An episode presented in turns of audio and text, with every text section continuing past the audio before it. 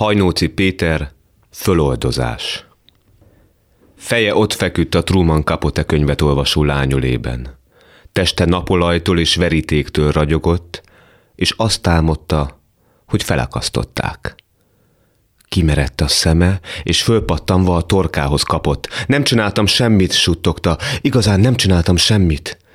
Mi van veled már megint nézett fel rá a lánya könyvéből?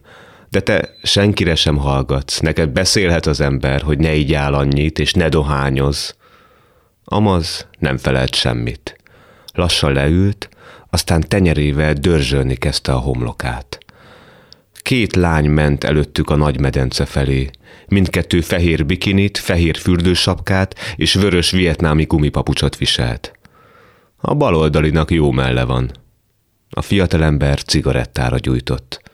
Meguntál? csapta össze a könyvét a lány. Mondd, a dohányzáson kívül létezik valami, amit nem unsz meg két hét alatt? A fiatalember mélyet szívott a cigarettájából, és a két lányt nézte. Az Ervin azt mondta, hogy zsidó vagy. Nyomta el a füvön a cigaretta véget. De hát, amit az Ervin mond, legyintett. És ha kivételesen nem hazudott, csattant fel a lány. Ha csak ugyanaz igazat mondta, el akartalak venni, vont vállat a fiatalember. De Ervin össze-vissza fecsegett. És most már ugye nem gondolsz arra, hogy elvegyél, villant rá a lány szeme. Keveset öltek meg közülünk Auschwitzban, igaz? Könyvét, törőközőjét a sportszatyorba vágta, a szeme lobogott. Ha tehetném, a rendőröknek adnálak át, te, te, strici fasiszta! És rázkódó vállakkal, eltakart arccal futni kezdett a női öltöző felé.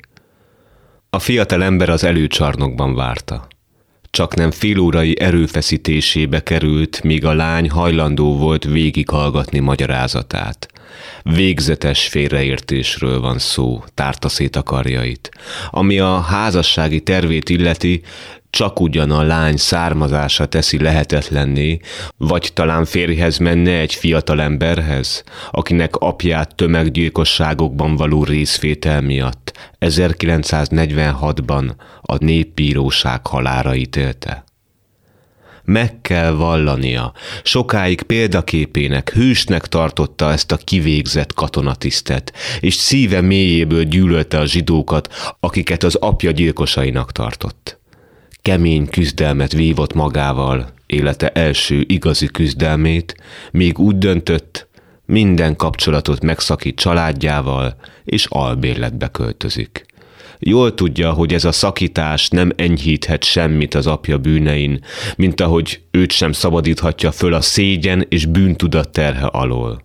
De ha nevetségesnek is érzi, meg kell tennie, Végre is nem csaphat föl partizánnak, hogy fegyverrel harcoljon a fasiszták ellen, de semmit sem tenni, ezt nem bírta volna el a lelki ismerete. Zavartan megköszörülte a torkát, bizonytalan szervuszt köszönt, és sarkon fordulva, gyors, hosszú léptekkel az ellenkező irányba indult. Vári! A lány utána szaladt, és a vállába és a karjába kapaszkodva állította meg. Nem, csak ugyan nem sejthette, hogy valami egyéb ok miatt akar szakítani a fiatalember, mint amiért egy fajgyűlölő tenné. Amit a fiatalember az apjáról mondott, az csak ugyan szörnyű történet, de gyöngéden megsimogatta a fiú karját. Számára nem jelent többet, mint egy lapot a történelemből tényhalmazt, amely bármennyire embertelen és iszonyatos, egyszerűen képtelen teljes jelentőségében fölfogni és átérezni talán csak a személyes tapasztalat ereje elég ehhez. Ő abban az évben született, amikor a fiatalember apját kivégezték. Most béke van. Elhallgatott. A fiatalember könyörgő tekintettel és megfeszült arccal nézett rá.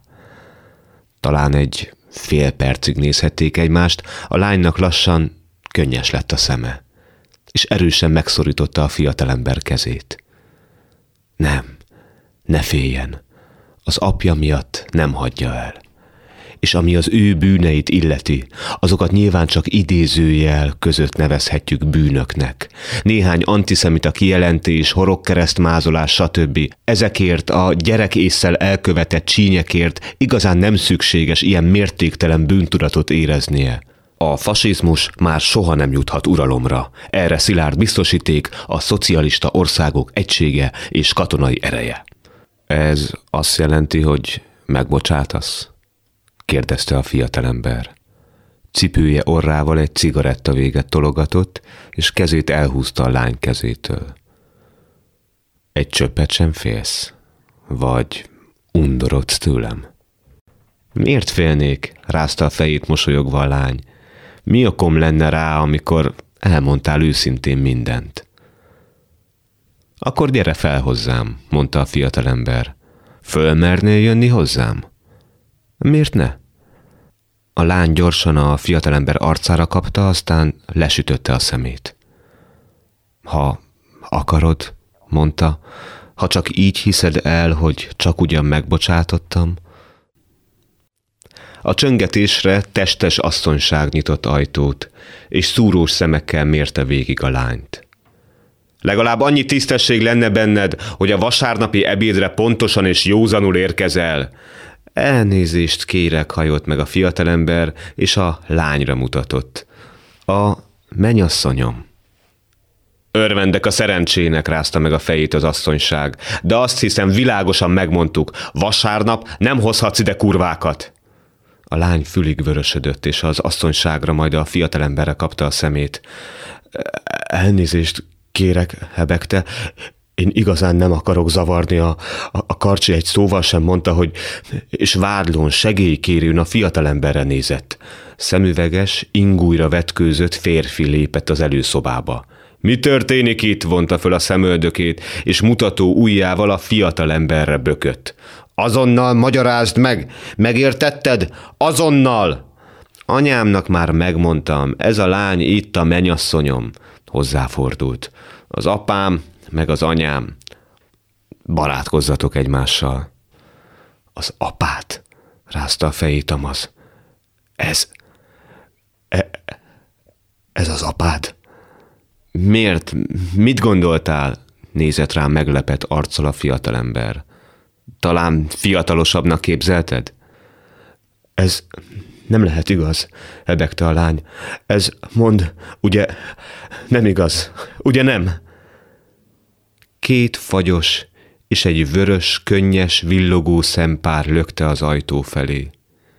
Keze gépiesen nyomta le a kilincset, és azok hárman tisztán, élesen hallották cipő koppanásait a lépcsőkön. Az apa és az anya zavartan egymásra nézett. A férfi megköszörülte a torkát, és a szemüvegét kezdte törölgetni. A fiatalember törte meg a csöndet.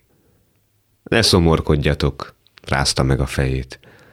Ne szomorkodjatok, hanem örvendezzetek, mert föloldozott titeket minden bűneitek alól, amit elkövettetek ellene.